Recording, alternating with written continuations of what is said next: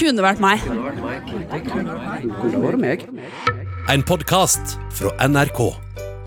Heller skjedde like etter 18-årsdagen min. Jeg var vel 18 år og to dager. Eh, og skulle kjøre opp ved Larvik trafikkstasjon. Dette her er Eirik B. Jensen, og han har nok sannsynligvis opplevd Norges verste oppkjøring. Altså, vi la ut en post på Instagram hvor vi ba dere sende oss deres historier hvis dere hadde vært gjennom en grusom oppkjøring. Og tusen takk for at dere sendte så utrolig mange. Det har vært så underholdende å lese, og jeg er sånn ordentlig imponert over hvor mange av dere som har klart å mose, bulke og smadre den oppkjøringsbilen allerede på første forsøk. Eh, Men allikevel så er jeg helt sikker på faktisk at eh, Eiriks historie det er den verste vi fikk inn. Starta som en veldig fin dag. Det var ikke regn eller noe, så dette burde komme til å gå bra. Jeg var godt forberedt også. Det er tørr veibane. Ja.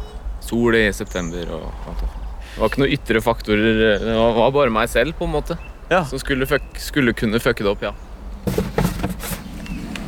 Så jeg satte meg inn i bilen da med sensoren. En, eh, en eldre kar. Ikke helt ved pensjonistalder ennå, men i hvert fall bikka 60, tenker jeg. Og så starter vel alle oppkjøringer med en sånn uh, test. Ja. Eh, da spurte han Og hvor finner du så varseltrekanten på dette kjøretøyet? Den lå jo da rett over bena hans, satt fast under dashbordet, husker jeg.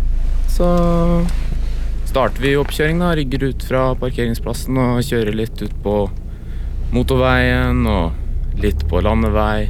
Og litt sånn som alle andre oppkjøringer, sikkert.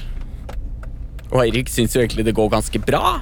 Og oppkjøring er det sånn at hvis sensor er stille, så veit du i hvert fall at du ikke har fucka helt opp. Og sensor, han sier ingenting. Men så. Noe av det første han sier, er eh, Da kan du bare kjøre rett tilbake til stasjonen. Ja, tenker jeg da. Da er det på en måte siste utfordring. Så er vi vel i det som heter Namsetgata i Larvik. Den leder rett mot eh, trafikkstasjonen, for de som er kjent. Og så kjører vi, cruiser sakte nedover da, i 40-50.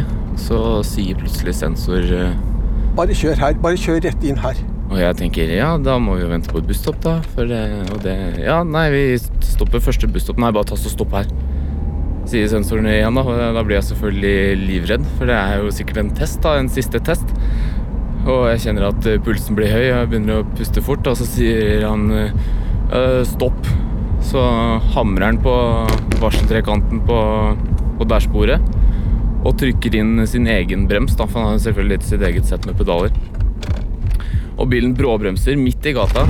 Eh, så slenger han noe papir opp på dashbordet, og så sier han Må bare ha en lufttur. Og jeg kjenner at uh, pulsen stiger ytterligere. Hva skjer nå? Eh, jeg blir bare sittende i bilen mens han står ute. Og plutselig så går sensoren i bakken på fortauet på utsiden. Og jeg ser på den i flere sekunder før jeg eh, i det hele tatt skjønner at det her er alvor. Sensor fikk hjertestans der og da, og han ligger klinisk død på bakken. Og Eirik klarer ikke å gjøre noe som helst. Han bare sitter der, helt fjetra og handlingslamma. Jeg tenker jo å faen. Å faen, å faen. Uh, der står jeg, da. Eller jeg sitter i bilen. Uh, Aleine. Jeg har jo ikke lappen. Og døra er åpen, og det ligger en eldre kar ved siden av bilen, og jeg tenker igjen å faen. Og førstehjelpskurs er jo obligatorisk før oppkjøring, og han har til og med forberedt på spørsmål om førstehjelp. Han husker ingen verdens ting. Og før de kjørte, så spurte sensor om hvor varseltrekanten var. Han kommer ikke på at den burde settes ut, selv om de står midt i veien og folk kjører forbi. Han sitter bare der kjempelenge og glaner på den livløse mannen som ligger der, før han tenker bare oi, jeg må gjøre noe. Så jeg ringer jo eh, 113, da. Larvik, vi står midt i veien. Har han pust og puls? Eh, det, jeg vet ikke. Eh, og sitter egentlig fortsatt i bilen og bare ser på den gamle mannen. Eh, så føltes ut som det gikk veldig eh, kort tid, faktisk. I sånne situasjoner så vil det jo føles ut som da evigheter, men ambulansen kom med én gang. Jeg er sikker på han var, han De var sikkert to minutter unna. Og de starter jo HLR, da, som jeg burde ha gjort for eh, fem og et halvt minutt siden. Eh, og får liv i karen, da, egentlig veldig fort. Og da tar de den egentlig bare med seg. Eh, de har gjort HLR fort, og så legger de på en tralle, kjører den inn i bilen, så, og så sier de bare takk for hjelpa, på en måte, og så kjører ambulansen av gårde.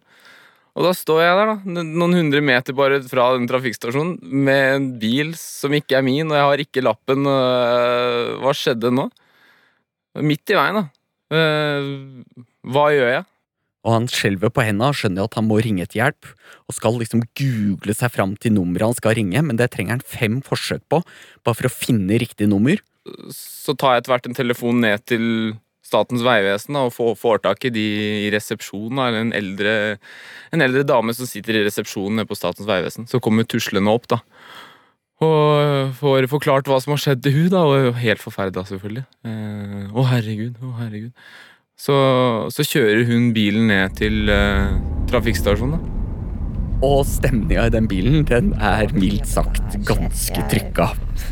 Aldri, aldri skjedd noe lignende noen gang. Beklager. Han sitter jo der og tenker shit, gjorde jeg noe gærent? Er eh, sensor død nå fordi jeg ikke klarte å gjøre noe? Og hun tenker jo selvfølgelig med bekymring på kollegaen som ligger på sykehuset, og ingen veit hvordan det har gått med han. Samtidig som hun prøver å unnskylde overfor Eirik at han måtte gjennom det her. Og de kommer frem og parkerer, og Eirik begynner jo å gå ganske skjelven og sjokka hjemover.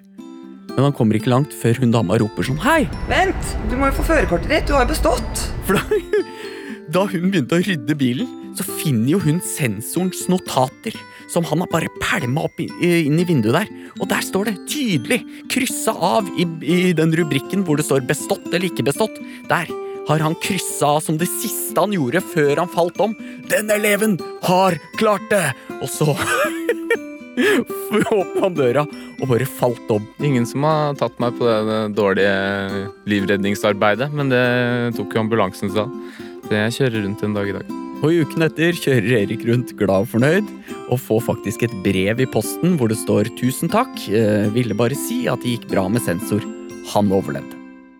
Tusen hjertelig takk for den historien, og denne episoden er lagd av Bjørn Terje Kjørstad og meg, Ludvig Løkholm Levin. Du har hørt en podkast fra NRK.